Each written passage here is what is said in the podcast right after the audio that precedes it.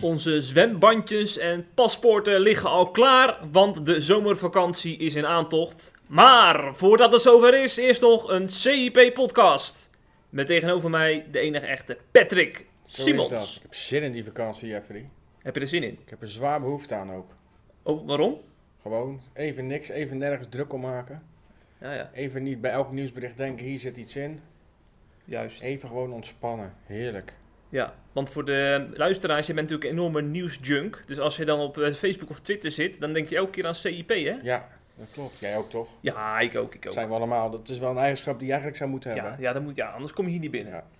Ja, zeker. En eh, als je dan een nieuwsjunk bent, dan kun je zomaar eens stuiten op een eh, nieuwsbericht uit Urk. Ja, Want, ja eh, zeg dat. ja, vertel eens het verhaal. Wat, wat is er gebeurd? Nou, ik kreeg een, ehm, een, een, een, een berichtje van een anonieme bron. Althans, ik weet wel, wij weten wel wie het is natuurlijk. Bij ons is de naam wel bekend, maar die wil liever niet met naam, eh, wilde niet liever met naam en toenaam in het artikel geplaatst worden. En die vertelde een heel, nou ja, bijzonder, een vervelend verhaal wat er op Urk aan de hand is. We, berichten vorige week al hè, dat er een, een, een soort opwekking, een herleving gaande was daar onder jongeren. Ehm, nou is er een, een leerkracht die drie dagen per week voor de klas staat op een van de scholen met de Bijbel. Er zijn er acht van in Urk. En die is daarnaast, ja, dat zijn er veel hè. Ja. En die is daarnaast evangelist, is die, is die, is die eh, actief als evangelist. En in die hoedanigheid als evangelist is die eh, een jonge man tegengekomen. eh, die tot geloof was gekomen op een bijzondere manier. Door, door een bijna doodervaring van iemand anders, een bijzondere getuigenis. En eh, nou, daar heeft hij, is hij mee in contact gekomen. Die, die vond het moeilijk om de Bijbel te gaan te lezen. Hoe, hè, hoe, hoe dat precies moest nadat hij tot geloof was gekomen. En vervolgens is die evangelist, en die, die dus ook leerkracht is, is gaan. Is met hem in de Bijbel gaan lezen, in het Evangelie van Johannes. Dat zie je vaker, hè, dat ze daar beginnen. Hm. Eh, en, en, en nou ja, nadat ze veel gelezen en bestudeerd en gepraat hebben, zei die jongen op het duur, nou ja, eh, ik, ik wil gedoopt worden, hè. Je, het is bijna een Bijbels verhaal, hè. Je moet gelijk denken aan Ja. Filippus en de, de moorman of de kamerling. Mhm. Ehm, en die evangelist dacht eigenlijk, ja, ja waarom ook niet, hè? Want, want die, die, die vroeg, die, eh, hè, net als die kamerling die vroeg, wat, wat let me eigenlijk om, om gedoopt te worden? En, en, en, en, dat vroeg hij eigenlijk ook aan, aan die jonge man. En die zei, ja, die zei eigenlijk een beetje hetzelfde antwoord, hè? Als je, als je gelooft, als je van harte, gans, van ganse harte gelooft dat Jezus de Zoon van God is, dan, dan, dan, mag, dan kan je gedoopt worden. Hm. Nou, en zo geschiedde ook. Dus die zijn naar het IJsselmeer gegaan. En, die Kijk. hebben, en daar heeft hij hem gedoopt. Nou, prachtig verhaal in principe natuurlijk. Mhm. Eh, Maar, maar die kerel is nooit eerder gedoopt geweest. Nee, nee, nee, nee. Hij is niet als kind gedoopt. Hij is, dit was, dat was de enige doop. Hm. Eh, vervolgens eh, is dat verhaal een beetje een eigen leven gaan leiden op Urk. Nou ja, in de gemeenschap als Urk gaat het natuurlijk nog wel snel. Ik ken dat. Ik kom zelf ook uit een behoorlijk reformatorisch dorp. Stadje, pardon.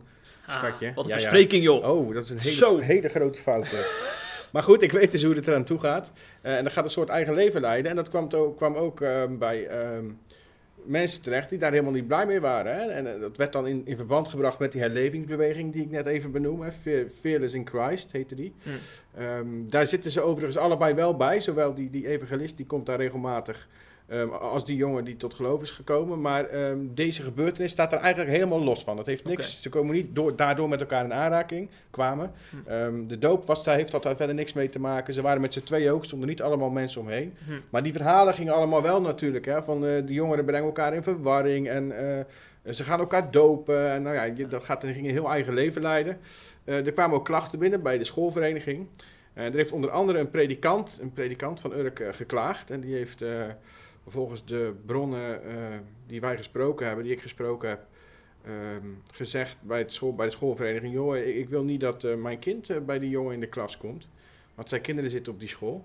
En nou, toen is besloten, is er een gesprek, heeft er een gesprek plaatsgevonden en is er besloten om die jongen ehm, na de zomervakantie niet meer als leerkracht actief te laten zijn, maar als onderwijsassistent. Je kan dus eigenlijk spreken van een soort degradatie. Mhm. En eh, nou ja, daar ben ik natuurlijk even achteraan gegaan. Want als je zomaar zo'n verhaal binnenkrijgt, dan ga je dat niet blind publiceren. Dus ik heb de betreffende dominee even gebeld. Ik heb ehm, iemand van het schoolbestuur gesproken. Ik heb ehm, de, de leerkracht zelf gesproken. Ehm, ze waren niet, allemaal niet zo heel bereidwillig om erover te praten. Dat is ook logisch trouwens. Ja. Maar, maar het werd wel bevestigd, mijn verhaal. En ik heb nog meerdere bronnen uit Urk. Hè, mensen die dan niet met, liever niet met naam genoemd worden, maar die allemaal wel dit verhaal bevestigen. Dus het is wel inderdaad echt aan de hand. Al moet er ook wel ehm, een beetje nuance in aangebracht worden. Want ik heb de algemene directeur van, van, van de hele schoolvereniging gesproken. En die zei, joh, eh, dat klopt wel. Ehm, maar dat komt, dat we dit besloten hebben, heeft voornamelijk te maken, of dat dit besloten is, eh, met het feit dat het allemaal kort voor de zomervakantie gebeurde. Oké. En eh, dan moet je snel een beslissing nemen. Dan heb je geen tijd om het allemaal uit te zoeken. Dus hebben we het voorlopig zo gedaan. Dus dat hij na de zomervakantie geen les gaat geven. En na de zomervakantie gaan we het verder uitzoeken. En dan kijken we wat we ermee gaan doen, zei hij. Want ik ben ook gewoon niet op de hoogte van wat er precies gebeurd is. Want je hoort allemaal verhalen. Maar dat moeten we gewoon goed gaan uitzoeken. Maar dat klinkt een beetje alsof ze van die onrust zijn uitgegaan en de gemoederen wilden temperen. Ja, ja, daarmee. ja, dat zo klinkt het een beetje. Ja, dat vond ik ook een beetje apart. Ik zei ook op een gegeven moment, joh, maar als je het niet zeker weet, dan doe je toch juist niks. Hè? Hm. Dan zou ik zeggen, dan doen we voorlopig niks. Maar ja, het, het- schijnbaar is dat toch eh besloten om het zo aan te pakken. En, eh, hij had het ook over de, de, de leerkracht uit de wind houden. Nou ja, dat, dat, dat vind ik een beetje... eh, ja, ik geloof daar niet echt in. Ik denk dat het meer, eh, meer is om toegeven aan mensen die erover klagen. Maar er zijn dus ook mensen die daar, die daar juist boos om zijn dat dit gebeurd is. Hè? Ja. Onder andere de mensen die ik gesproken heb natuurlijk. En de bron die dit, die dit verhaal naar ons, eh, Hm. aan ons vertelde. Ja. Dus ja, dat is wel een eh, bijzonder verhaal. Ja, maar kun je eens uitleggen waarom mensen hier überhaupt over klagen? Want je zou denken, prachtige getuigenis, mooi dat iemand bij, bij Jezus wil horen. Ja, ik vind dat dus ook lastig. Ik, ik kan daar ook mijn vinger niet heel goed achter krijgen. Weet je, eh, eerst dacht ik, ehm, daarom vroeg jij natuurlijk net ook, eh, was die al een keer gedoopt? Ehm, dat, het, dat, het, dat die consternatie ontstaan was, dat die klachten komen, omdat het een jongen is die, die als kind gedoopt is en nu ehm, als volwassene een geloofsdoop krijgen. Hè? Vanuit de reformatorische kring heb je, hebben ze het dan over het wederdopen. Ehm, en daar zijn ze natuurlijk fel op tegen. Dus ik dacht dat daar de kritiek vandaan kwam. Maar dat is dus niet het geval.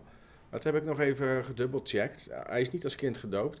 Dus ik denk voornamelijk dat het te maken heeft met eh, het feit dat ze denken of dat ze vinden dat de doop ehm, binnen de kaders van de kerk moet plaatsvinden. Moet sowieso Dus- door een ambtenaar Dus gedaan dus worden. een predikant, ja, precies. Een predikant of een, ja, ik denk niet eens een ouderling, ik denk een predikant. ja.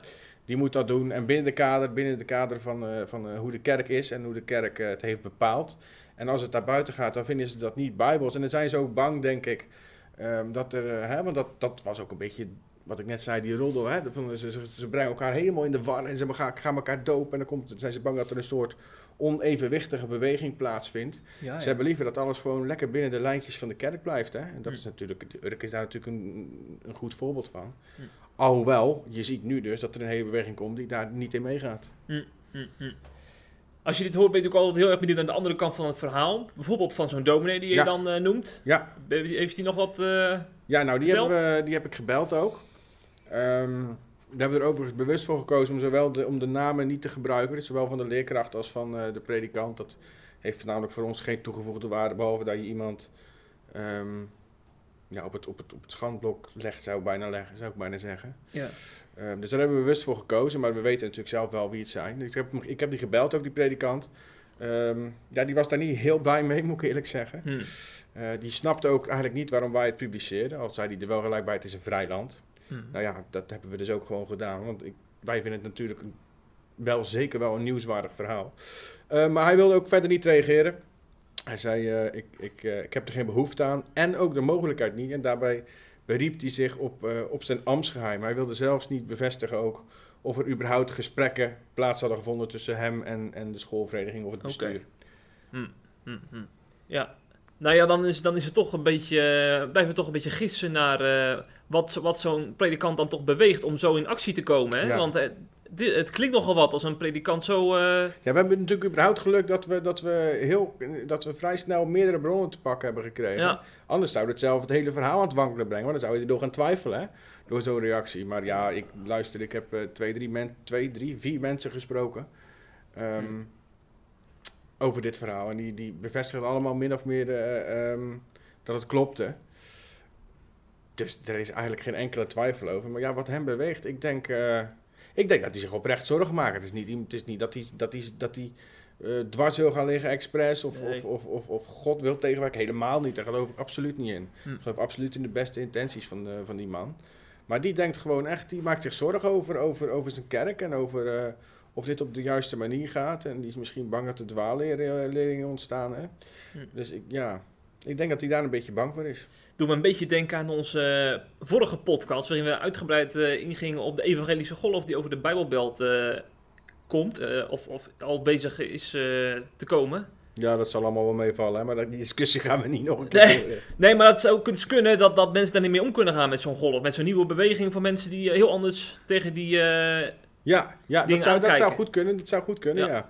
En vooral omdat ze dan inderdaad, ja, ik denk dat het wel een goed bruggetje is, ja. Want vooral omdat ze dan, hè, ze zien mensen uit hun eigen kijk die, daarin, die daardoor enthousiast door raken. En dat speelt waarschijnlijk ook nog mee. Hm. Al denk ik dat wel echt de hoofdreden is. Niet dat ze bang zijn om hun eigen mensen kwijt te raken, maar dat ze gewoon bang zijn dat de waarheid uit het oog verloren ja, ja, precies. En dat is natuurlijk sowieso altijd goed dat je daar zorgen om maakt.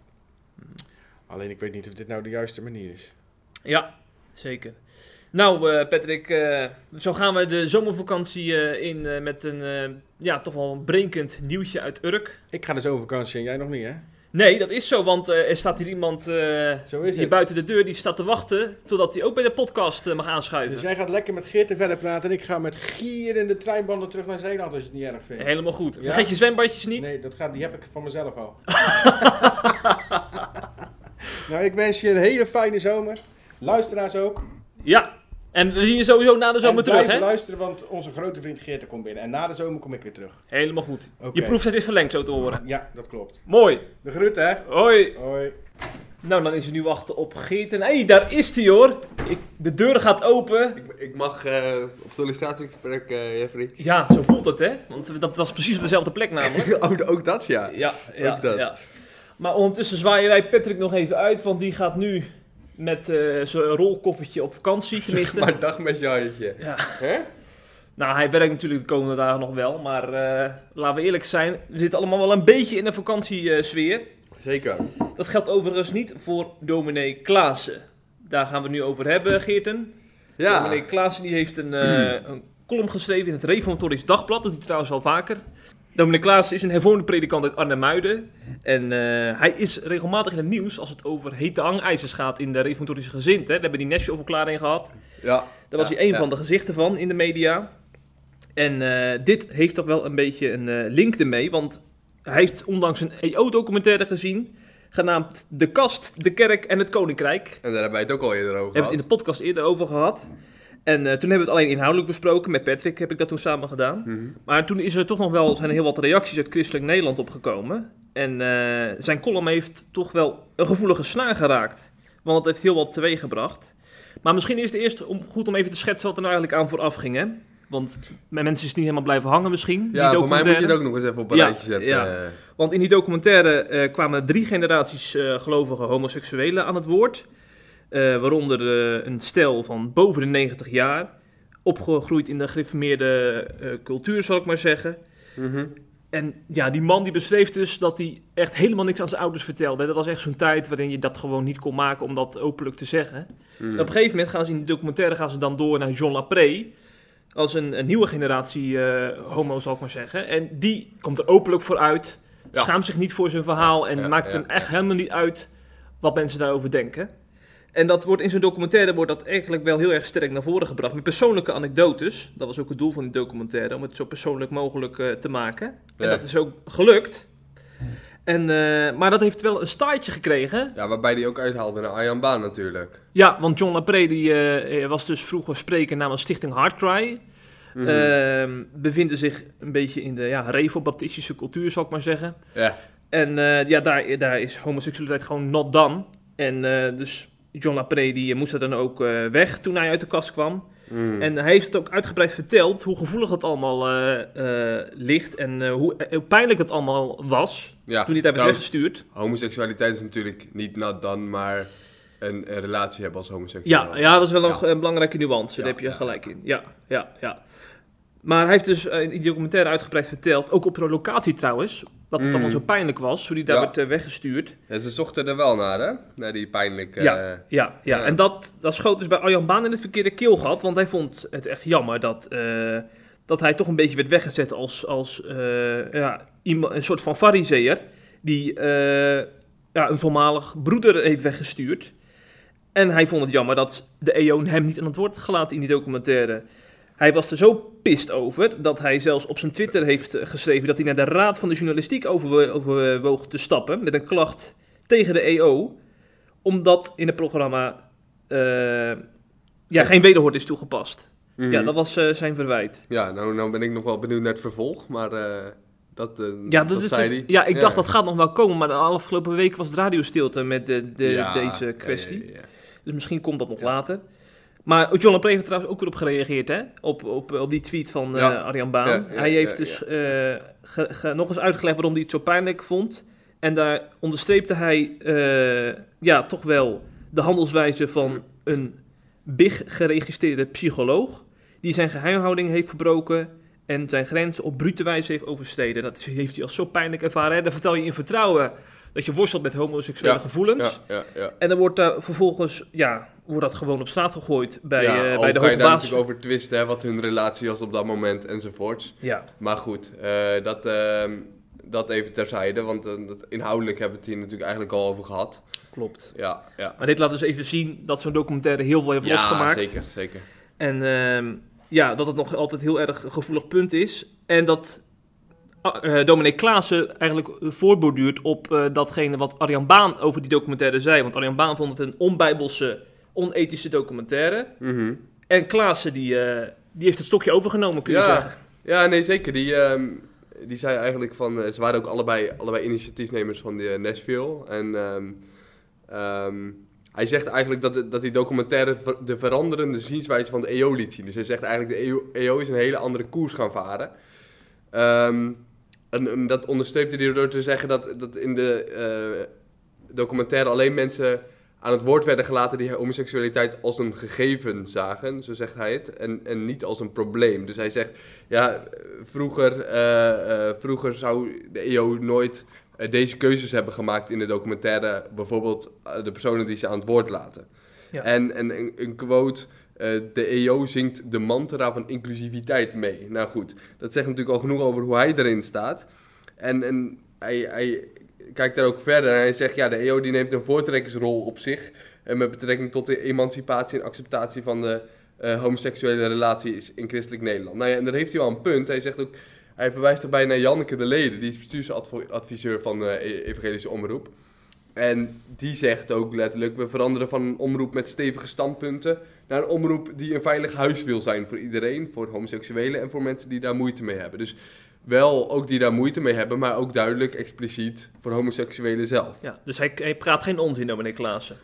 Nee, nee, dat, hieruit. nee dat, eh, ik, ik denk dat hij dat redelijk heeft beargumenteerd dat, dat de EO een andere koers inslaat. Kijk goed over zijn mening over hoe zij dingen, eh, hoe zij bepaalde keuzes hebben gemaakt. Daar kan je natuurlijk eh, kan je het met hem over hebben, want Ja. dat, dat, dat zit in het hoofd van de mensen die die documentaire hebben gemaakt, uiteraard. Daar kan hij niet in kijken. Ja. Ehm, ja, goed, dus, dus ehm, hij, hij, hij vindt dat kwalijk. Hij, hij verwijst ook naar artikel 2 van de statuten van de evangelische omroep. Hè, van eh, alleen het woord van God heeft gezag. Mhm. Nou ja, en dus, dus bij de evangelische omroep natuurlijk ook zeggen... ja, daar kunnen wij prima onderbouwen eh, vanuit de Bijbel... dat, het, dat homoseksualiteit eh, geen probleem is, zoals Klaassen het zegt. Maar goed, daar zijn ze het fundamenteel mee oneens, blijkt wel. Ja, ja, dat, Ja. dat is wel duidelijk, ja. ja. En eh, trouwens, Klaassen staat hier niet alleen, hè, want eh, Nee, er is nee. een, een, een, een, toch wel een subgroep ontstaan de laatste jaren, die, eh, die ook om, volgens mij een Facebookpagina zijn begonnen, om, om hun geluid EO te laten... duidelijk. EO Duidelijk is die pagina. Ja, ja, ja, Daar zit volgens mij ook zendeling Martin Visser bij en nog wat andere namen uit de orthodox-christelijke wereld. Die Mhm. gewoon echt ook vinden dat, dat de EO is afgedwaald en een andere koers moet gaan varen. Dus dit is niet een eenling dat hier aan het woord is. Nee, zeker. Nee, en, en, en Klaassen die zei ook, ehm, zei ook nu Herodes en Pilatus vrienden zijn geworden. Eh, en daar had hij het over, over de, de zogenaamde fusie tussen de EO en de Icon. Ehm, een, een progressief christelijke zender zegt hij, die die acceptatie hoog had staan doordat ze samen zijn gegaan, zou die andere koers zijn, zijn inge- ingegaan. Nou, daar reageert de, de EO-directeur dan ook gelijk op. Arjan Lok. Eh, Arjan Lok, Eh, dat is niet waar. Ook, ook technisch gezien niet, zegt hij. Want ze zijn niet samengegaan. Ze hebben alleen wel geprobeerd er voor iedereen te zijn toen de icon opgegeven werd. Ah ja, goed. Ehm, dus hij, hij voelde zich wel aangevallen, zo bleek. hè. Ook, eh, ook meneer Lok. eh, Ja, ja, ja, hij heeft echt wel wat, meerdere tweets eraan gewijd ook. ja, Dus ja. Hij, het, ja, hij wilde echt wel eens een, een tegengeluid laten horen, kun je zeggen. Ja. Ja. En ehm eh, overigens heeft hij ook nog aan toegevoegd dat er wel een ondertekenaar van de Nashville-verklaring eh, aan het woord werd gelaten hè, in die documentaire. Ja, Want Dominee Kiefiet van de Christelijk Gereformeerde Kerk, die kwam eh, ook aan bod. En die ging heel even kort nog in debat met John Lapré in die, in die documentaire. ja. Dus het is niet zo dat het andere geluid helemaal is weggebleven. Nee, maar goed, dat was dus bijvoorbeeld geen homoseksueel die ehm, Nee. eh, er vanuit een andere zienswijze naar kijkt. Klopt, ja, dat hadden natuurlijk eh, de critici graag gewild. Ja, Ja. Ja, ja, dat is zo. Over eh, critici gesproken, er werd ook heel wat gereageerd op, de, op het commentaar van Dominic Klaassen. Mhm. Met name op de Facebookpagina van het Reformatorisch Dagblad heb ik heel wat reacties gelezen, maar ook op onze eigen Facebookpagina op CIP en ook op Twitter. En Ja. eh, het was echt heel wisselend. De ene zegt zeg maar, eh, fantastisch dat Klaassen dit geluid laat horen, want eh, ik denk er al jaren zo over. En Mhm. je hebt ook een groep die eigenlijk zuchtend weer dat commentaar van Klaassen onder ogen ziet en zegt, daar hebben we die man weer van de Nashville-verklaring. Kan hij niet eens een keertje, hè, een tijdje op vakantie of zo? Daar kwam het toch wel een beetje op neer. Ja, ja, ja, ja. En waaronder, ja, iemand als Huip Geertsema bijvoorbeeld, die, die zei, die, die, die, zet, die eh, zet de EO en de CU dan op één lijn. Dat doen ze wel vaker, alsof dit echt twee groepen zijn die aan het afdwalen zijn, door, omdat ze natuurlijk echt met de wereld meegaan in hun ogen. Mhm. En eh, Of andere keuzes maken. andere keuzes maken, Ja. inderdaad. Eh, maar ik moet eraan toevoegen. Oh, ik moet er trouwens een reactie van Martin Visser aan toevoegen. Want die is best wel representatief. Die, dat is dus echt een, eh, een uitgesproken zendeling.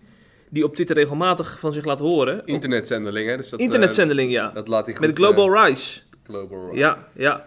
Hij zegt van harte eens met het artikel van Dominic Klaas in het RD. Nog steeds onvoorstelbaar dat de EO schouderophalend eraan voorbij gaat dat voorgangers zonder wederhoor beschuldigd worden. Ik hoop dat aan de orde te stellen in de ledenraad. Ja, en hij zegt er ook, voegt er ook aan toe dat mensen vooral klagen over de, de toon hè, van Klaas in het RD. Terwijl het Mhm. eigenlijk over de inhoud zou moeten gaan. Dus daar, daar stoot Marten Visser zich ook weer heel erg aan. Want Klaas is Ja, natuurlijk nog ja. veld, het tikt nogal hard Ja. van leer. Nee, en het is ook een, een, een, gewoon een debat waarop je het gewoon wat mij betreft over de inhoud moet hebben. Ja, Ehm, ehm, en daarbij natuurlijk wel, eh, zoals eh, Liesbeth, van, Liesbeth van Binsberg, die reageerde er ook op. Hè? Die, wel, we moeten dingen wel in liefde doen, maar wel op de inhoud, lijkt me. Ja, ja, ik vond haar reactie eigenlijk toch wel erbovenuit stijgen. Want zij, eh, ja, zij verwees eigenlijk een beetje indirect naar de Korinthebrief, waarin mensen heel erg stellen, stellen van ik ben, hoor bij Paulus, ik ben van Apollos, Ja. ik hoor bij Christus, weet je wel. En dat er zo Ja, heel ja, veel ja. verdeeldheid in zo'n gemeenschap ontstaat. En nu ziet Lisbeth dezelfde soort eh, ontwikkeling. Hè? Ik ben van de EO, ik ben van het RD. Nou, ze kunnen wel een tijdje doorgaan. Maar waar het werkelijk om gaat, zegt zij, is of we van Christus zijn. Ja, dat mogen we natuurlijk niet vergeten hè, in zo'n eh, discussie. Nou ja, dat is, dat is, dat is denk ik ook de, de, ehm, ehm, de input die ik een beetje mis. Ja, een beetje nederigheid. Een beetje nederigheid, ehm, maar ook vanuit de EO nederigheid. Ehm, je kan de boel pol- polariseren door, door deze mensen aan het woord te laten, wat, wat een paar zienswijzes zijn. Maar ik ben ook benieuwd naar een transparante blik, eh, hoe zijn keuzes gemaakt, eh, precies waarom. Ja, dat hebben ze wel geprobeerd uit te leggen, maar ik zou ook wel ehm, eh, eigenlijk een, een, een ander geluid willen horen, eventueel in een... Nou ja, in zo'n documentaire had ik graag andere keuzes ook gemaakt zien zijn. Dat je dingen toch naast elkaar stelt. Ehm, christenen zijn ook best wel genuanceerd verschillende. Er, er zijn ook heel, veel, ook heel veel homo's die ook gewoon hun andere keuzes maken, maar dat ook kunnen uitleggen. En, en Ja. goed, die kan je ook prima aan het woord laten en dan heb je een heel ander geluid. Ja, ja, ja, of wat dacht je van een tweeluik? Ik bedoel, ik kan me voorstellen dat je gewoon die persoonlijke verhalen van, van die eh, drie generaties homo's wil laten staan. Want die Ja. geven een ontwikkeling Ja, mee. mee. Die, die, die geven een ontwikkeling, eh, die, die geven een ontwikkeling weer. Maar je kunt daarnaast natuurlijk ook een hele mooie documentaire maken over die homo's uit de kerk van Klaassen bijvoorbeeld. Die er bewust voor kiezen om, eh, om, om Mhm. niet met een, iemand van het gelijk geslacht te trouwen en alleen te blijven. Ja, En, en zo dan laten, laten zien in zo'n documentaire van nou, ja, hoe maken ze dan die keuzes? Hoe gaan ze om met verliefde gevoelens? En waarom doen ze dat nog ook in 2019? En dan, kun je ook, eens. en dan kun je echt laten zien inderdaad dat, dat er ook een groep is in christelijk Nederland die er zo in staat. Ja. Toch? Ja, dan heb je een genuanceerd beeld. En, en ehm, eh, kan je dus... Kijk, ik denk in dit debat is het heel belangrijk om dingen naast elkaar te laten staan. Ja. Ehm, omdat dingen blijkbaar naast elkaar, naast elkaar zijn en, en, en, en verschillende groepen er anders met behulp van de Bijbel ook anders over kunnen denken. Hoe Mhm. oneens ze het daar ook over met elkaar zijn. Ja. Nou, Ja. en het lijkt me goed om dat ook eh, in zo'n docu of een, inderdaad een tweeluik ook aan de orde te laten komen. Dan heb je volgens mij een, eh, dan, dan bedien je dus ook eh, de visie van de EO. Ook, Ja. ook wat die beleidsadviseur zei. Hè? Dat Mhm. en homoseksuelen eh, ehm, willen bedienen, maar ook Ja. mensen die daar tegen zijn. Ja, Of tegen het eh, praktiseren daarvan natuurlijk. want laten we eerlijk zijn, we hebben nu natuurlijk weer het even over John Lapree gehad, maar hem hebben we in de media regelmatig gezien, ook naar de National Verklaring natuurlijk, Mhm, mhm. eh, in allerlei soorten media, maar dan denk je van, ik mis toch wel een beetje die, die eh, ondertekenaars van de National Verklaring, en da- dan laten we wel, wel vaak een ondertekenaar aan het woord hoor, dan is het even een quoteje, maar Ja. denk ik, ga nou ook eens een keer eh, daar wat dieper op in. Van wat motiveert nou zo iemand om een national verklaring te ondertekenen? Ja, en eh, Ja. wat houdt dat christelijk-orthodoxe standpunt nou echt concreet in dan? Hè, dat je Mhm. echt uitgebreid met zo iemand dus aan het woord gaat. Ik heb bijvoorbeeld na die national verklaring heb ik gebeld met dominee Uitslag uit Urk.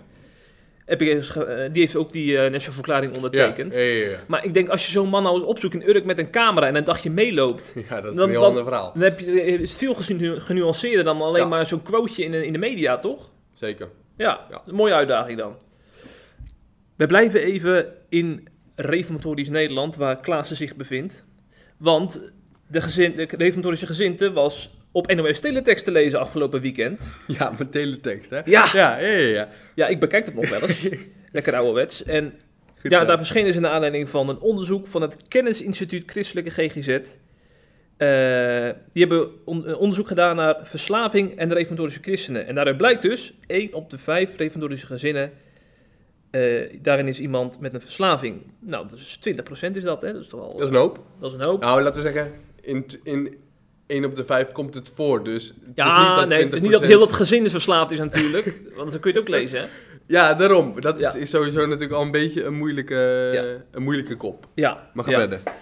En eh, nou, wat er dan uit voortkwam ook uit het onderzoek, is dat de, dat de meeste gemeenteleden het moeilijk vinden om hulp te vragen en ook naar iemand uit de kerk te stappen. Ja, ja. Dat kwam dus ook in het onderzoek naar voren. En ja, misschien ook nog even voor de goede orde dat ruim 2500 mensen zijn ondervraagd. Dus het is echt wel eh, een onderzoek dat ergens op gebaseerd is. Ja, nee, ja. Het was ook het kennisinstituut, hè? Eh, Christelijke GGZ. Dat is best wel een eh, op zich een gerenommeerd instituut eh, van onderzoekers die eh, wel serieuze Ja. data verzamelen. Vandaar ook dat ze bijvoorbeeld bij de NOS verschenen met hun Ja. resultaten. Ja, ja, ja, het Nederlands Dagblad en het RD heeft het ook groot overgenomen. VP volgens mij voorpagina. Ja. Goed. Ehm, wat natuurlijk wel, ik, zei, ik, ik, ik lichtte net al een tipje van de sluier op. Ik, ik vond wel dat 1 op de 5 revo-gezinnen ehm, een verkeerde connotatie wekt eigenlijk. Daar komt niet helemaal uit naar voren wat het, wat het is. 1 op de 5 is er een verslaving in een gezin gaande. Ja. Ja, goed. Dan, dan ik, ik, ik weet niet precies, ik zit even te denken hoeveel mensen zitten nou in een gezin, maar gemiddeld eh, zal het 4, 5 zijn, of in een reformatorisch gezin misschien 5, 6. Maar, maar in ieder geval ehm, eh, is dat dus 1 op de 30 Ja. mensen in christelijk Nederland, of in reformatorisch Nederland dan.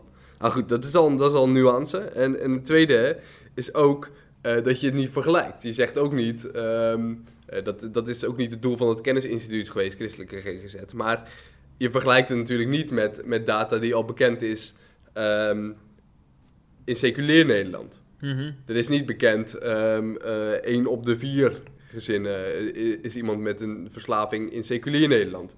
Dus je hebt geen vergelijkingsmateriaal, wat het ook gelijk wel lastig maakt. Ja. En als je dan zegt in de headlines, als je op NOS een kop langs ziet komen, 1 op de 5 gezin, revo-gezinnen kan met een verslaving. Bij NOS was het zelfs 1 op 5 reformatorische gezinnen kent verslaving. Eh, drempel hulpvraag hoog. Ja, dan gaan we Wat, wat, is de, wat is de normale drempel? Vraag je je dan af. Hm. En wat, is de, wat zijn de normale cijfers? Vraag je je dan af. Nou goed, inderdaad. Dus dan, dan zet je ook al reformatorische eh, gezinnen wel redelijk snel eh, eh, in een hoekje. Terwijl dat denk ik helemaal niet zo hoeft, omdat in het artikel ook naar, eh, eh, sprake van was dat het waarschijnlijk lager is dan het, aantal, dan het landelijk gemiddelde. Ja, dus er is wel vergelijkingsmateriaal, maar dan niet op hetzelfde niveau. Begrijp ik dat goed? Nee, ja, er is wel vergelijkingsmateriaal, maar dat wordt in ieder geval niet in de kop gezegd. En, Ja, ja. en wordt, wordt semier in Ja. de tekst genoemd. Mhm. Dus ehm, ze zeggen ook wel, middelengebruik ligt eh, in eh revo- revogezinnen ligt weliswaar lager dan het landelijk gemiddelde. Maar is wel een groot probleem. Dat zegt de onderzoekster. Dus dat is al eh, een genuanceerder beeld. Maar ja, dat zie je niet als je, zoals ik denk 90% van de mensen die eh, de NOS-app even openen, Ja. die hem dan eventjes langs zien komen en denken, oh, dat is interessant. Nee. nee, ik denk dat de meeste mensen sowieso hadden van... Oh, zo, wat een enorm aantal eh, onder die refo's. Wat zijn de problemen daar groot?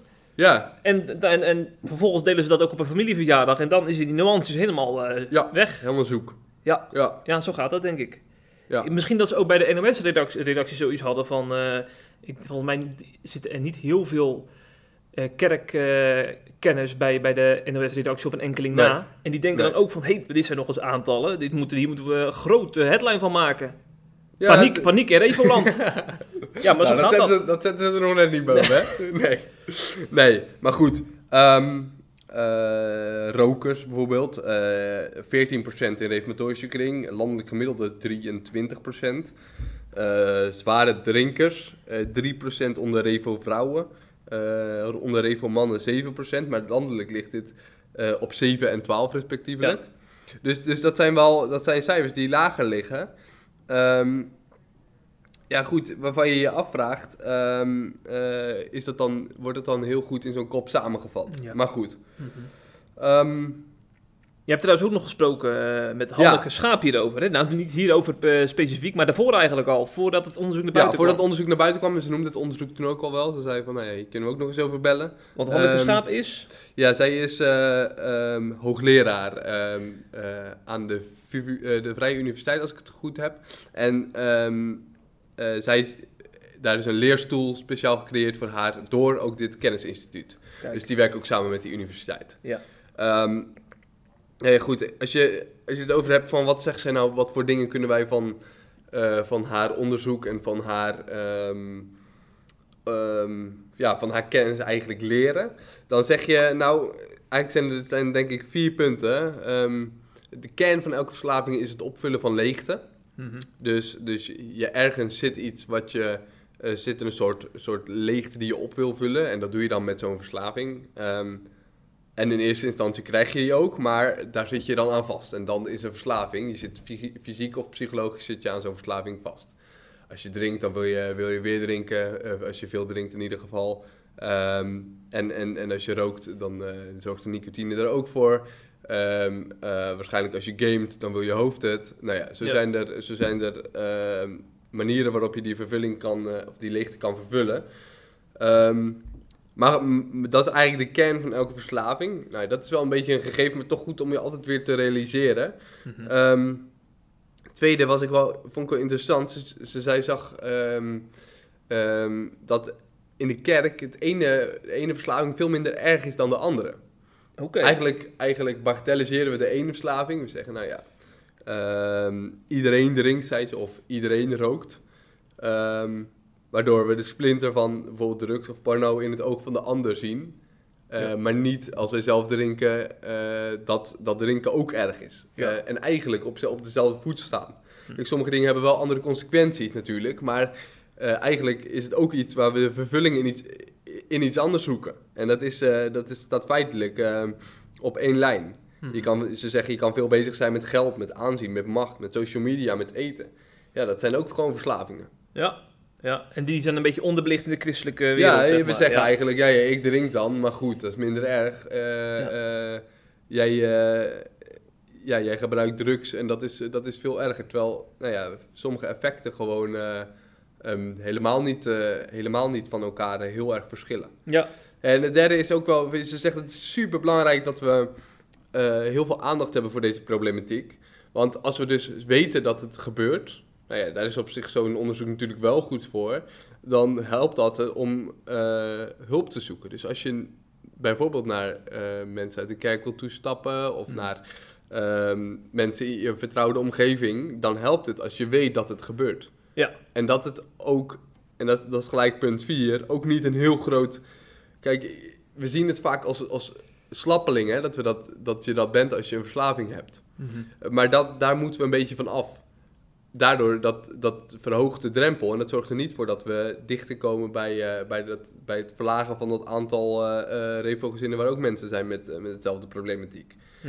Dus, dus je, moet, je moet echt zorgen dat, dat, dat het taboe ervan afgenomen wordt, omdat dat voor een heleboel oplossingen kan zorgen.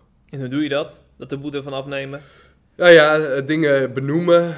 bijvoorbeeld, nou ja, bijvoorbeeld ehm, eh, dingen bespreken. eh, misschien een keer, weet ik veel, een gemeenteavond. Ik, ik zeg maar wat. Als je dingen Ja. bespreekbaar maakt en zegt, nou ja, je hebt hier iemand waar je naartoe kan. Het is, het is niet raar. eh, weet, weet ik veel, je, je hebt gewoon last van dat je veel rookt. Of dat je ehm, langzamer meer bent gaan drinken en dat nu veel doet. Mhm. Ja, dan, dan kan je gewoon naar, naar iemand toe, dan kan je er gewoon over hebben.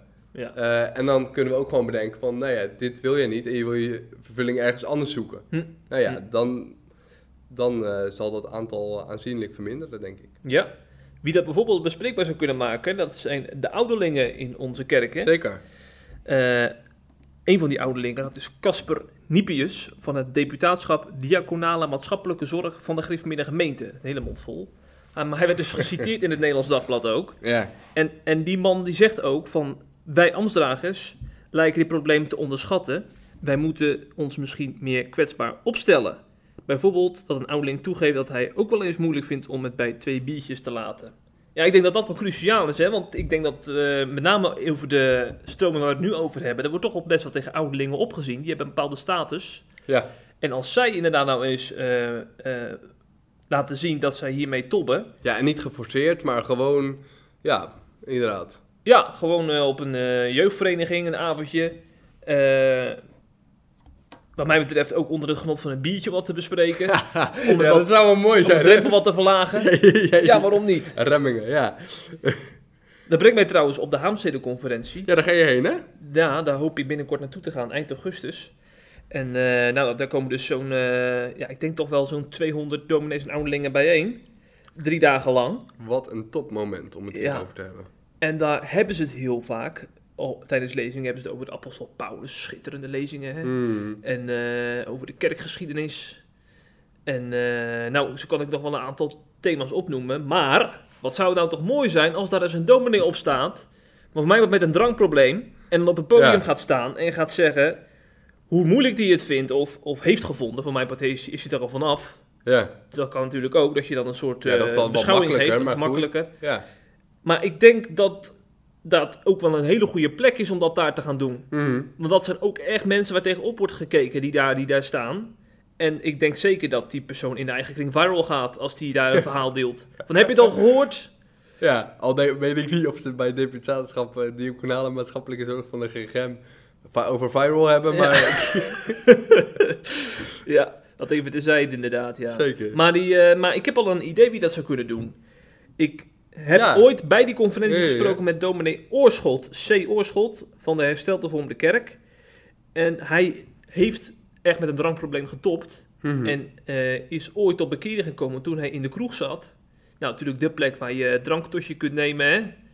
En eh, daar liedjes over Jezus hoorde. Dan niet, volgens mij niet in de kroeg, maar daarbuiten. Er waren mensen over Jezus aan het zingen. Anders was het nog best een goede kroeg. Ja, ja dan had je er ook kunnen blijven, ja. ja. Maar die hoorde dat, die werd toen geraakt en toen is zo'n zoektocht bij hem begonnen. Maar zo, die oorschot, die zou dat prima kunnen doen. Misschien moet ik hem eens eh, een keer vragen of die, eh, of die nog eens uitgebreid dat zou willen doen. ja, gewoon een conferentie organiseren en dan, ja. Ja, lijkt me een goed idee met, Ja. om dat zo te doen, ja. Ja. ja. En nu we het toch over conferenties hebben, het valt mij op dat wanneer je bij een christelijk event komt, hè, bijvoorbeeld Ja. Soul Survivor of zo, of opwekking, Mhm. dat mensen Drank, heel erg hebben we niet moeilijk... mee, hè? Ja, dat, als je, dat is, dat is echt, het is helemaal geen discussie of je daar wel of niet een drankje neemt in, op zo'n conferentie, want dat doe je gewoon niet, überhaupt niet. Nee. Maar dan denk ik van, je kan toch heel makkelijk, kun je met consumptiebonnen werken. Dus dan zeg je gewoon, nou je hebt je aangemeld voor deze conferentie, je hebt hier twee consumptiebonnen voor een alcoholisch drankje dit weekend. Geniet ervan. Maar, maar waarom zou je, dat, zou, zou je dat stimuleren? Nou, ik zou dat willen stimuleren, omdat nu een, toch een beetje het idee heerst van... eh, nou, het is zo ontzettend van de duivel, die drank. We moeten het echt doodzwijgen tot we ermee neervallen. En eh, we moeten het er vooral niet over hebben. En ik denk van... Zo, zo, zo... eh, laat je echt zien dat je uit een, van een andere planeet komt. En denk van... we- we- die mensen die zeg maar na de conferentie weer naar huis gaan... die komen ook weer in Ja. de gewone wereld. ja. Die gaan thuis, als het, als het daadwerkelijk 30 graden is, ook weer op het balkon een biertje drinken. Of, met, of eh, ja, dus je denkt dat het, dat juist alleen maar, dat het alleen maar ehm, erger wordt met het drankprobleem als je het doodzwijgt, zoals jij zegt. ja, dan maak je er een soort van boom van goed en kwaad van, weet je wel? Van, Ja. eh, van Genesis eh 3. Van daar staat die boom waar je niet eh, aan mag zitten. En zo doen wij dat ook met, met de biertap, vind ik. Van je, daar mag je niet aan komen, want dan, eh, ja, Dus het als je het reguleert, Ik denk dat dat gesprek ten goede komt en dat je zo Ja. ook inderdaad Ja. eh, leert, stimuleert om daar op een gezonde, volwassen manier met drank om te gaan. mhm, Want die twee, als je dat, dat is toch een fantastische regel zijn. Twee, twee drankjes op een conferentie. Dan kan, dan kan, dan kan je. zou jij het erbij kunnen houden? Jeffrey? Ja, ja, ik heb er zelf geen moeite Nee, mee. nee, nee, ik denk ook inderdaad dat je zou moeten kunnen zeggen, eh, dingen zouden een probleem kunnen zijn. Eh, bijvoorbeeld alcohol, dat, is een, dat kan een probleem zijn in je leven. Ja. Maar het hoeft niet. Eh, inderdaad, stel je houdt het bij een conferentie op twee biertjes, dan heb je natuurlijk intrinsiek helemaal geen probleem. Mhm. En, en, en dan maak je het ook weer bespreekbaar en dan heb je het er ook over van, nou ja, ik vind dit, dit, dit is gewoon goed te doen en hierbij zou je het ook kunnen laten. Dit is gewoon, goed, dit is gewoon niet heel slecht voor je. Ja, ja, helemaal Ja. mee eens. Nou, ik ga denk ik eh zo meteen even dominee Polinder contacten. Hij zit in de stuurgroep van de Haamstede-conferentie. Nou, En ik ga denk ik pleit- plekje vrij kan maken. pleiten voor een biertap op de Haamstede. Want ik moet altijd maar weer aan die koffie en aan die thee en aan het water. De lauwe koffie. Maar ik denk dat daar een einde aan moet komen. Helemaal mee eens. Maar eerst tijd voor bier op het strand. Want vergeten, we gaan elkaar een tijdje niet zien. CIP gaat sluiten vanwege de zomervakantie. Met vakantie. Ja, dus ik ga naar Frankrijk. Ik weet niet waar jij naartoe gaat. Ik ga naar Italië. Lekker man. Tenminste, ik weet nog niet zeker of ik eraan kom, maar Ja, eh ja. liftend. Oh, je gaat liften inderdaad, ja. Goeie, waar je zin in hebt zeg. Maar goed, ik, eh, in principe hoop ik in Italië aan te komen. Ja. Nou, ik, ik hoop ook dat je weer terugkomt. Want dan kunnen we weer een podcast maken na de vakantie. Zeker, gaan we doen. Dus over een week of twee, drie eh, hopen we weer terug te zijn hier met de CIP-podcast. En wij zeggen, geniet van de vakantie en geniet ook van CIP+. Plus. ja, Want- en Dat is een mooie kans om dan artikeltjes te lezen natuurlijk. abonneer je nog even. Abonneer je nog even. Even op het strand, op je, in je hangmat. Genieten van een artikel van dominee Oorschot over zijn drankprobleem. Mooi toch? Helemaal goed, daar ben je. Joe.